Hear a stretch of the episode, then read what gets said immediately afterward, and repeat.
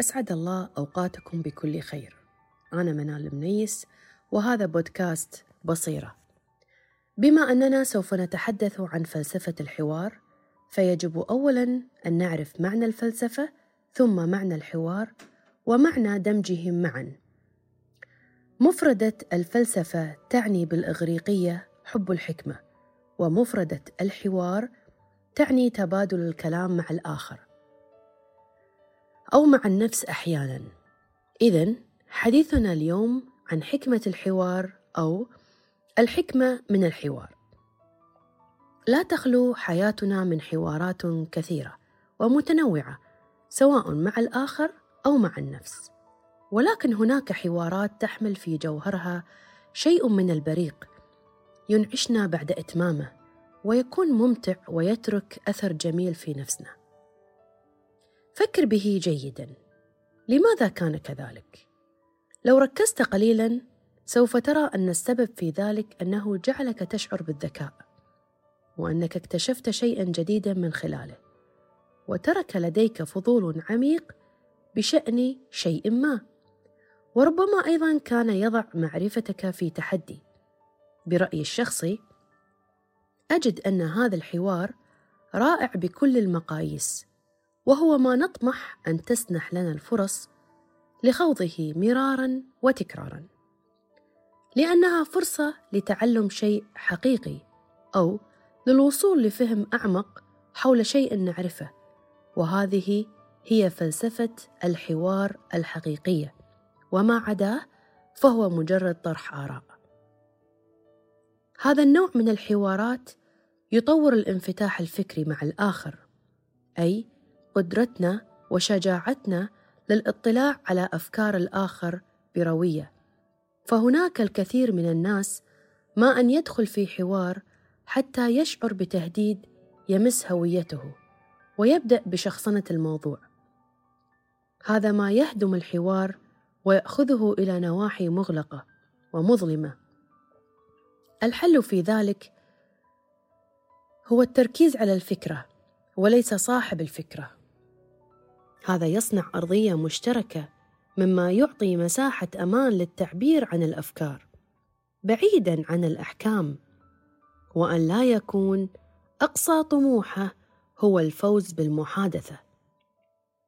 هذا النوع من الحوار ينمي المرونة الفكرية التي نحتاجها في كل نواحي حياتنا كما نحتاج المرونة الجسدية التي تسهل للجسد تنقله وحركته فالمرونة الفكرية تؤدي إلى صلابة الأفكار لأننا نكون دائما على استعداد لتبديل أفكارنا بأخرى وتعديلها على عكس ذلك هو تصلب الأفكار.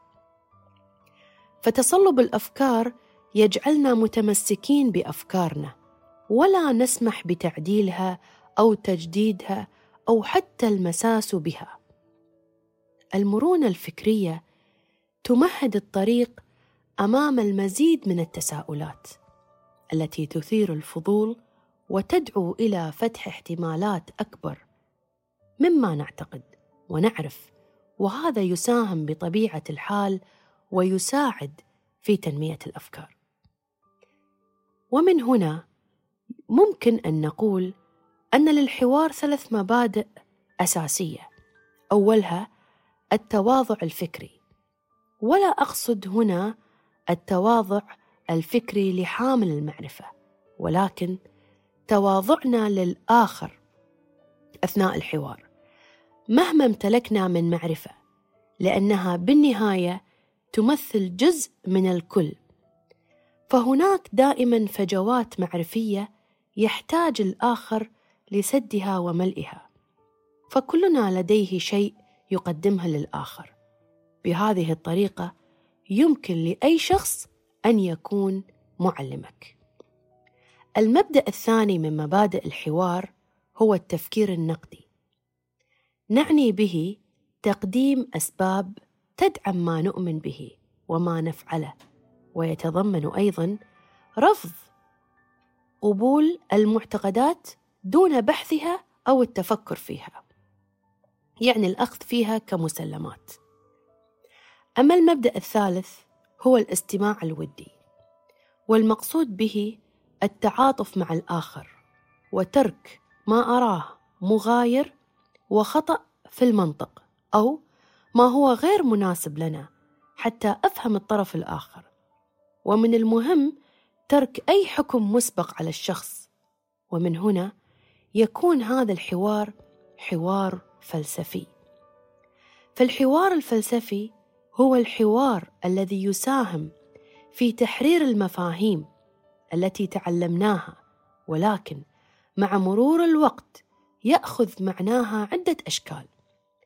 فواحدة من الأمور التي تطور منظورنا لشكل المفهوم في ذهننا هو طرح حوار فلسفي حوله.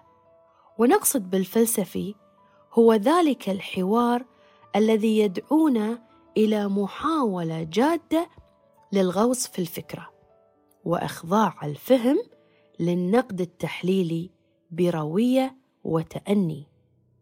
أي أن نترك ما كنا فاهمينه جانبا ونحاول إعادة فهمه من جديد من منظور مختلف من خلال حوار راقي.